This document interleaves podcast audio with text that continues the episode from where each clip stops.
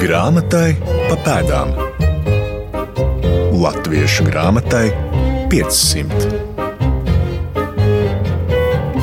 Mēs iesim uz mazo pilsētu ielu 4. Vispirms, kur sākās licējs 17. gadsimtā. Iesim tur, lai izjustu to atmosfēru. Jā, nu, ar atmosfēru mums bija pagrūti vai ne šajā visā Rīgā. Un noteikti Rīga 17. gadsimtā bija daudz šaurāka, citām Jā. smaržām.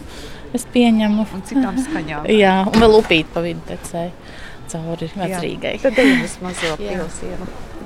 Esiet sveicināti! Mans vārds Laima Slava un aicinu doties mums līdzi Rīgas liceja izpētē kopā ar Latvijas Nacionālās bibliotēkas pētnieci Kristīni Zaļumu un kultūra vēsturnieci Ievu Pavloviču. Vispirms vecrīgā apskatīsim vietas, kur atradies Rīgas jeb Kārļa licejs. Tas būs vairākas, jo laikiem ritot mainījušās ēkas un arī mācību iestādes nosaukums. Pēc tam Nacionālajā bibliotēkā ieskatīsimies liceja bibliotēkas krājumā un grāmatās, ko izmantoja vidzemes draudzes skolās. Savukārt Nacionālās bibliotēkas vadošā pētniece Beata Paškevica sniegs plašāku kontekstu un skaidros pietismu kustības nozīmi izglītībā. Grāmatai pa pēdām. Liceja nams, bet um, 675. kas bija aktuāls, no šī šeit nekas nav. Paejam garām namam mazajā pilsēlā, pie kura plāksne ar Johana Kristofa Brocis attēlu, kurš bijis ilgadējs liceja skolotājs, vēlāk arī rektors, taču tas ir 18. gadsimts. Mūs interesē liceja sākums un nogriežoties uz Rīgas svētā Jēkaba katedrālis pusi, ir rodama vieta, kur sākotnēji atradās skola Karolīna jeb Kārļa licejs. Kristīne Zaļuma zina stāstīt, ka licejam ierādītā vieta bijusi lūkšanu kapela.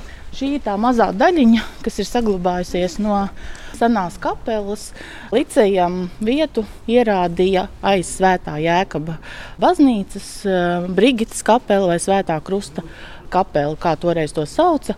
Un šo vietu izmantoja Zviedrijas armijas somu karavīri, lai eh, lūgtu dievu, un tā bija viņu lūkšana vieta. Pēc Johana Fišera ierosinājumu un Zviedru valdības atbalstīta, tika nodibināta Kārļa skola 1675. gadā. Par ko arī liecina šie uzraksti Kārlis 11. un tātad viņš ir dibinājis līdz 675. gadā.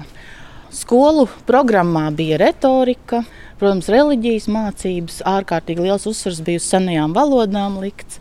Un uh, Fišera kungs jau nebija vienkārši cilvēks.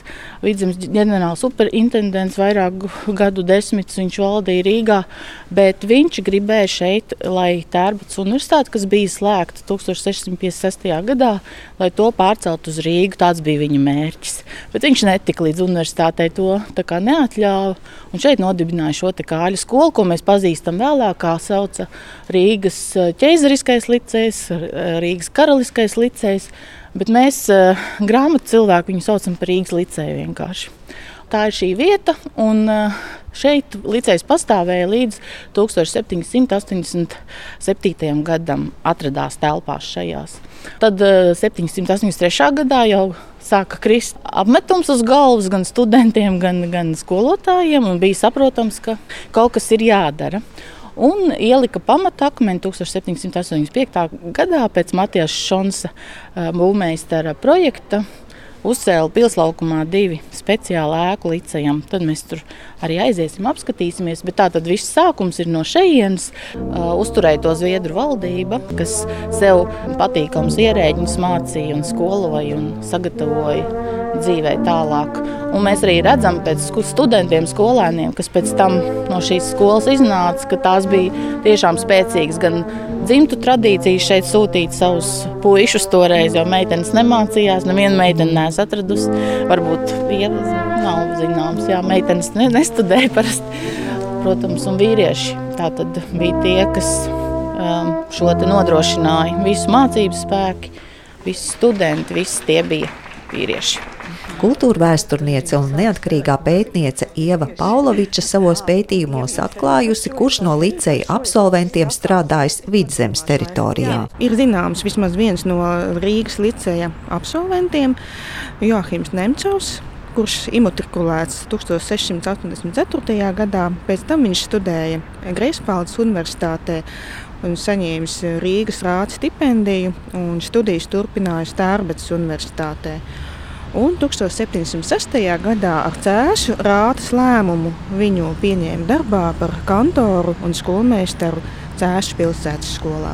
Tālākais viņa ceļš, diemžēl, nav zināms, jo tas, kā jau ir zināms, ka bija lielais ziemeļu karš, un Cēlā pilsētā bija atkal savi traģiskie likteņi.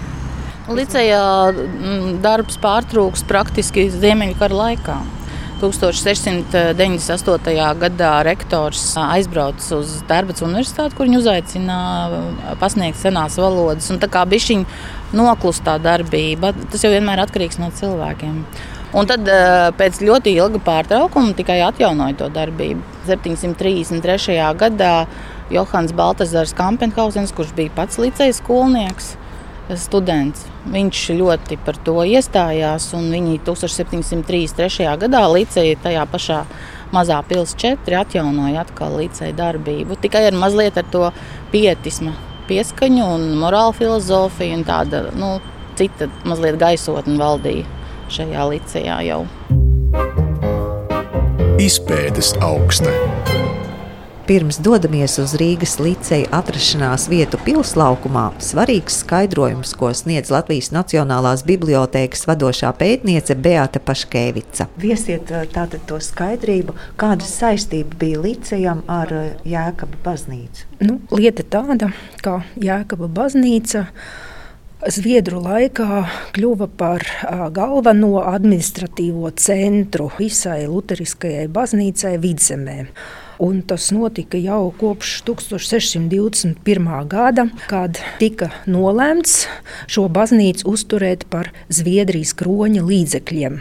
Zviedrijas kronim tie līdzekļi gan nebija tādi ļoti plaši, katrā gadījumā tie nebija paredzēti šīs baznīcas uzturēšanai. Viņi cīnījās ar naudas trūkumu, jā, bet tātad tā skaitījās kroņa baznīca. Un kopš Johana Fišera laika, kurš kļuva pirmais par uh, vidzemes ģenerālu superintendentu, tas kļuva arī par Lutheriskās baznīcas sēdekli, par tādu galveno baznīcu, kurai tika pakļautas pārējās vidzemes uh, baznīcas. Piemēram, nākamā bija Tartu baznīca, kas bija viņa pakļautībā, un viss, protams, arī šeit reģiona. Bet um, Domam un Pēterim bija pilsētas konsistorija, tās bija pilsētas baznīcas.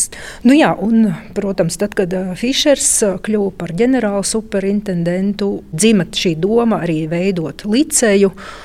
Un licējs tika veidots pie Jēkaba baznīcas, un attiecīgi šī liceja rektors bija arī baznīcas kalpotājs, diakons. Piemēram, Johans Lauders bija vienlaicīgi gan licēja rektors, gan arī diakons Jēkaba baznīcā. Tā kā mēs varam tagad iet no šejienes prom, tad mēs te dosimies uz pilsētas laukumu divi. Jā. Turpinām ceļu pa mazajām vecrīgas ielām garām turistu grupām un esam atnākušas pie nama pilsētas laukumā divi. Taču arī šeit mums jāiztēlojas, kā nams izskatījies to laiku. Un tas, ko redzēja cilvēki 18. gadsimta 87. gadā šeit ievācoties no tikko, kur mēs bijām mazā pilsēta 4, nekas nav saglabājies. Būtībā tas, ko viņi redzēja, jo ēku uzbūvēja divos stāvos. Tas bija agrāk klasicismu stilā ar eh, baroku elementiem.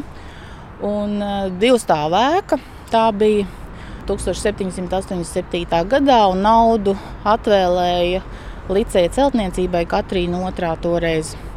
Un liekot pamatakmeni, kaut kur dziļi iekšā vēl joprojām stāv cinkota kapsula, uz kuras bija rakstīts, kas tad piedalījās šīs ēkas pamatakmeņa likšanā un kas vispār veicināja to, lai Licejam būtu jauna ēka. Un jāsaka tā, ka arī Licijam bija krājums kaut kur 1800 grāmatas, jo 18. gadsimta 80. gados. Sākumā ļoti, ļoti daudz grāmatas dāvināja tieši bibliotekai līdzē. Bija kaut kāds kā uzplaukums un ļoti, ļoti lielas donācijas. Tātad dāvinājumi nāca iekšā līdzējā. Un jau pēc kāda laika, jau jaunajā ēkā, Liceja biblioteka sasniedz 3600 sējumu lielu krājumu. Un jāatzīst, ka lielākais uztraukums par to, lai būtu Licijā bibliotekas telpa, bija Brocem. Broce mēģināja ietekmēt eh, būvmeistaržons, lai tas eh, iekļauju speciālu telpu bibliotekai, bet tas nenotika. Un ļoti interesantā konceptā tika pielāgota lielā svētku zāle, lai tajā glabātos arī vienlaikus biblioteka. Tā kā atsevišķa telpa nemaz Licijā bibliotekai neatvēlēja. 1804. gadā tātad Liceju pārdēvēja par Vidzemes guberņas gimnāziju. Un reizē viņu arī dēvēja par Rīgas guberņas gimnāziju, kas sajauca galvu vēl līdz šim laikam, dēvējot Domskolas Rīgas akadēmisko gimnāziju arī par Rīgas gimnāzijas biblioteku. Tā kā mums vēl pētniekiem reizēm ir tā, ka viņiem sajūg šie lielumi un tiek pastelēta Rīgas gimnāzijas, pilsētas gimnāzijas grāmata par liceju grāmatu, bet nu, to mēs skaužam ārā. Un jāsaka, ka līdz 890. gadam šī liceja šeit pastāvēja. Pēc tam pretī Nacionālajiem teātrim uzcēla Valdemāra ielā 1C uzcēla ēku ģimnāziju, kuru nu, pārdēvēja par Nikolai ģimnāziju. Un tātad visa guberņas ģimnāzija pārvietojās 890. gadā ar visām liceju senajām grāmatām, pārvietojās uz to lielo ēku, ko mēs zinām, kas ir pretī teātrim, valsts tehnikums. Un tur četrās. Līdzēja bibliotēkas liktenis ir laimīgs, lai arī 1917. gadā sākās evakuācija un gimnāzijas arhīvu evakuēja, grāmatas palika. Vēl vairāk tās nonāca atpakaļ sākotnējā vietā. Un 20. Eh, gadā valsts bibliotekai piešķīra šo ēku Pilslaukumā divi Un bibliotekāriem bija uzdots arī no gimnāzijas pārņemt grāmatas, tā skaitā licēja senās grāmatas, un ticiet vai nē, tās grāmatas iegūla atpakaļ šajā pašā ēkā, citos plauktos, gan, valsts biblioteka tātad šeit uzturējās no 1920. līdz 58. gadam, kad māja kļuva ārkārtīgi bīstama, bija no grāmatas smaguma, sijas ļoti nu, bīstamā stāvoklī bija šī ēka, lai šeit glabātos grāmatas. Bet, ticiet vai nē, visus šos 38 gadus te arī mita līdzēji grāmatas savā senajā ēkā. Un pēc tam, 58. gadā, visu pārvāca uz Jēkabielu 68. Tāds tas ceļš no Jēkabielas līdz grāmatas nokļuva tagad gaismas pilī. Grāmatai pa pēdām.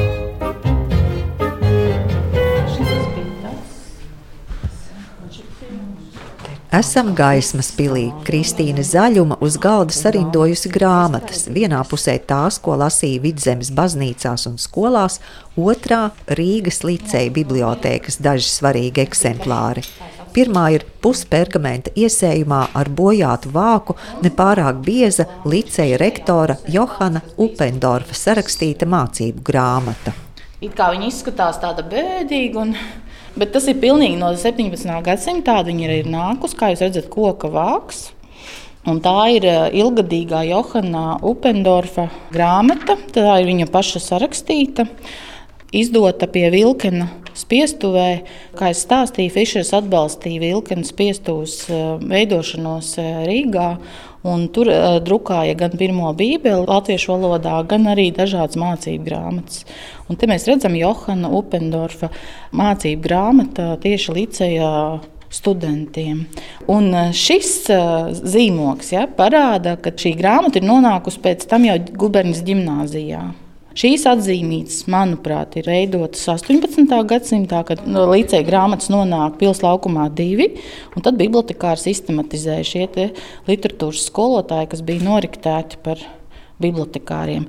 Un šis varētu būt B17, nozīmē, ka tas ir B skapis 17. grāmatas kapī. Un, ja mēs vēl par Upendorfu kungu turpinām, tad viņš bija poliglots, viņš pārvaldīja visas eh, senās valodas, bija mācību spēks, uz kuru būtībā balstījās Liceja. Viņš sāka savu darbību Rīgas Licijā 1678. gadā un bija tā rektors līdz 1698. gadam, kad viņu pārvilināja Tērbats Universitāte kā profesoru mācīt senās valodas. Iespējams, arī gadu dēļ. Tad arī mazliet sākās tā kā licejas tāda stāvēšana uz vietas, vairs nebija tā attīstība tik ļoti, kā tas bija Upendorfa laikā. Un gatavojot sarunu ar jums, šo pergamentu iesējumu grāmatu, atverot. Izrādījās, ka starp visām zīmītēm, ko jūs arī redzat, pavisam neuzkrītoši, ko mēs tā kā pat nepamanām pirmā brīdī. Šeit ir ierakstīts, ka grāmata ir piederējusi Johannam Upendorfam jau 1660. gadā. Tātad eh, jau ilgi pirms tā, kad viņš sāka darbu Rīgā. Un kāds ir skaisti kaligrāfiski klāt pierakstījis vēlāk, ka viņš bijis Rīgas licē Tā, tā grāmata ir ļoti, ļoti svarīga arī tajā ziņā, ka tā ir piederējusi pašam Johanam Upendorfam. Līdz šim brīdim, diemžēl, nekur nebija atzīmēts. Tā kā jūsu raidījums ir arī jauns atklājums, nesis klāt mūsu atklājumiem, jo mēs ikdienā jau šādi tik ļoti rūpīgi nespējam arī izpētīt. Mēs paņemam parastās pazīmes un tad arī ar tām strādājam. Grāmata. Šī ir grāmata antīko. Tas ir antīkā autora Terencija komēdijas. Es pieņemu arī šīs piezīmes ir paša Upendorfa ļoti skaistā rokrakstā. Arī man prieks par atklājumu, un šķirstot grāmatu, redzam, ka antīkā autora Terencija komēdijas ir grāmata, kas lasīta un lietota, jo tajā daudz piezīmi, iespējams, paša Upendorfa. Kristīna rāda vēl kādu īpašu eksemplāru. Vecākā grāmata, ko mums ir izdevies eh, identificēt tieši no liceja, ir šī grāmatiņa. Tā ir eh, arī pergamenta iesējumā ar eh, svēto motīviem uz vāka. Tā ir 1560. gada kristīgo tekstu grāmata. Un redziet, grāmata ir saglabājusies tieši kā viņa ir bijusi 560. gadā. Un tā noteikti ir bijusi dāvināta licejam. Varbūt pat vēlāk, varbūt ne pat 17. gadsimtā, bet 19. gadsimtā kāds to ir dāvinājis. Vai arī, kā jau teicu, 18. gadsimta 80. gados, kad bija vislielākie dāvinājumi liceja bibliotekai. Šis eksemplārs ir nācis no paša liceja. Tad aplūkojam nepārāk biezu, taču izmērā palielu būrtnīcu, kurā iesietas liceja rektora Johana Lodera runas. Dažādi mācību materiāli, piemēram, kā jāgatavo eksāmeni. Un Loders bija viens no Kampenhausena labās rokas, kas tieši, tieši pildīja visus norādījumus, lai tiešām līdzēja darbība atsāktos 1733. gadā. Tad mēs arī šos visus dokumentus, kurus iespieda par godu līdzēja darbības atjaunošanai, šeit viņi paši arī ir savākuši. Tas saucās konvolūts, tas nozīmē, ka vairāki neatkarīgi izdevumi ir iesieti vienos vākos, un vienkārši tie ir līdzēja sākuma atzimšanas dokumenti, ar ko Viņi sāk strādāt, un šo visu viņi paši ir sakopojuši. Tas arī līdz mums ir nonācis Nacionālā bibliotekā.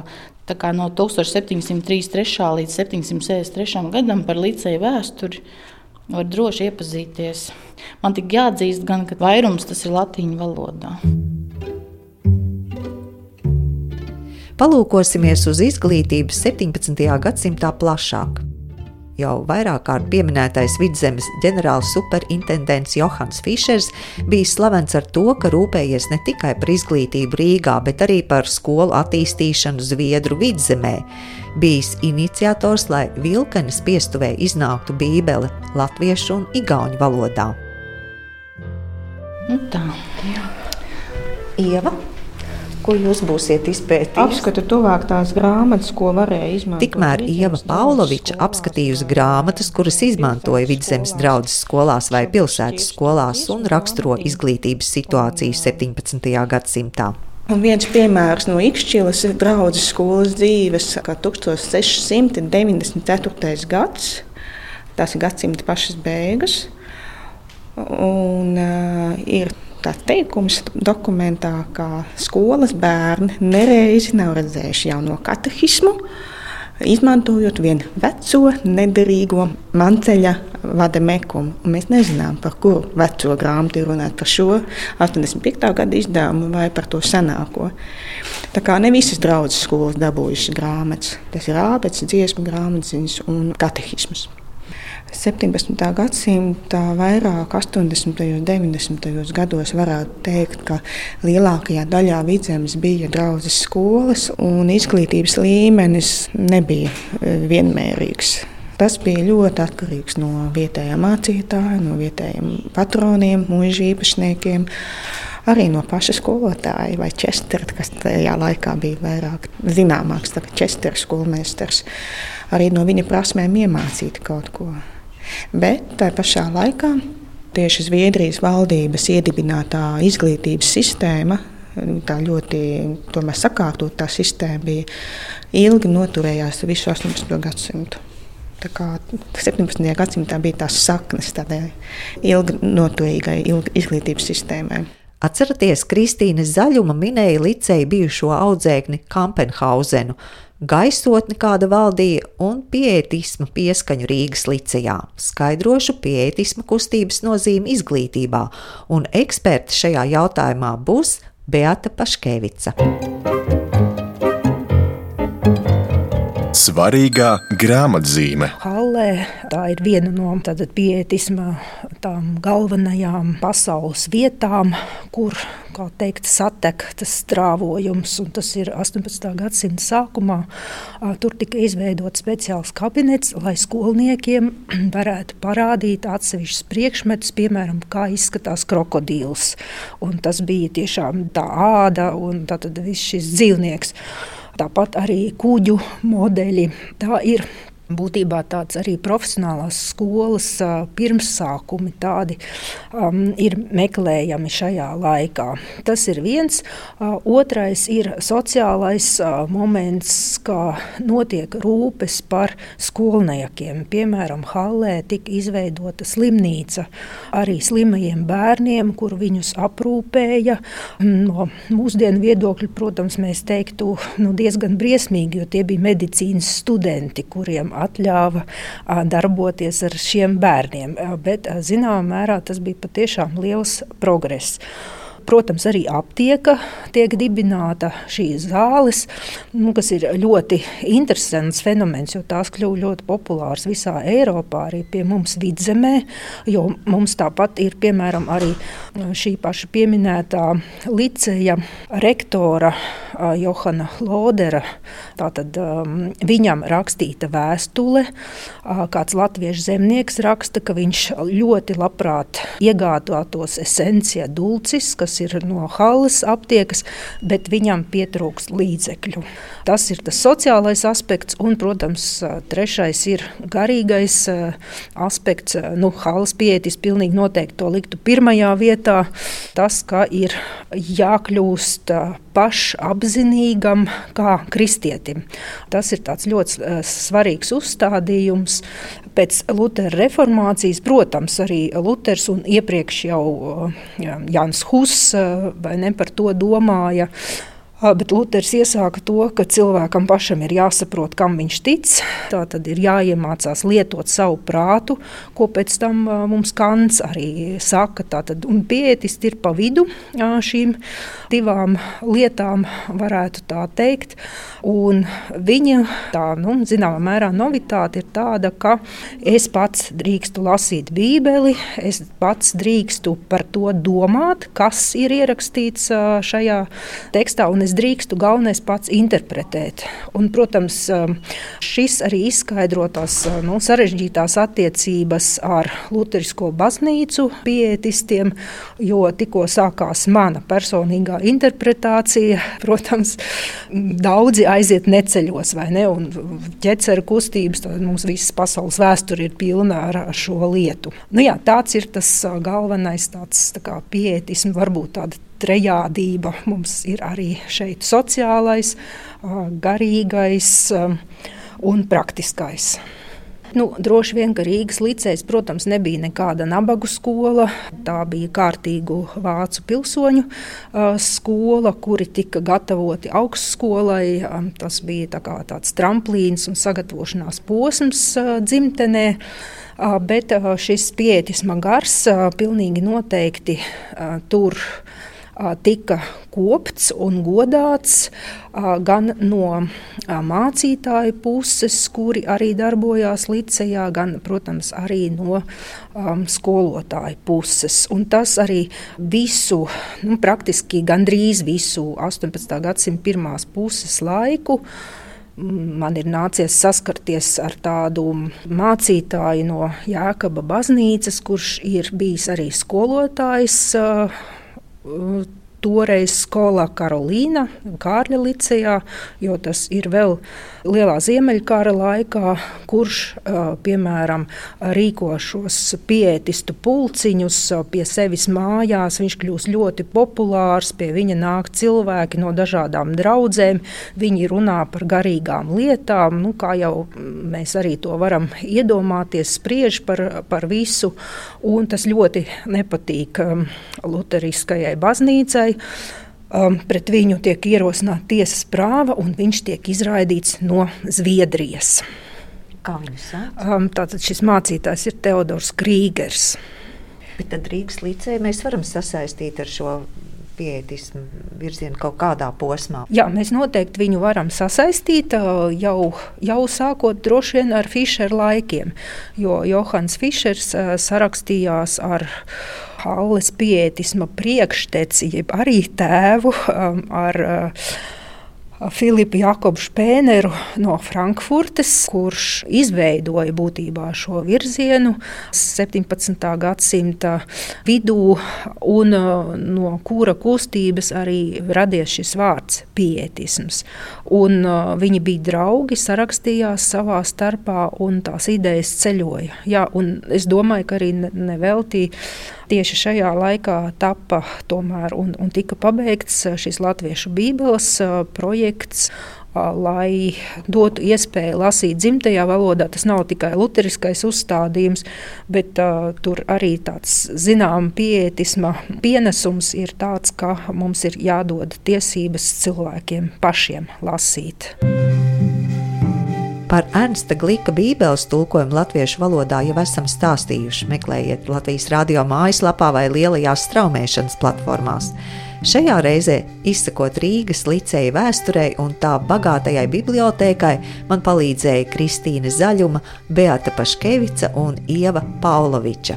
Raidījuma padomdevējs Latvijas Nacionālā bibliotēka, producente Santa Lauga, par raidījumu skanējumu gādāja Nora Mītspapa, mans vārds Laima Slava. Pēc nedēļas Toms Streibergs turaidā meklēs pirmās grāmatas par dārzkopību. Grāmatai pa pēdām. Latviešu grāmatai 500.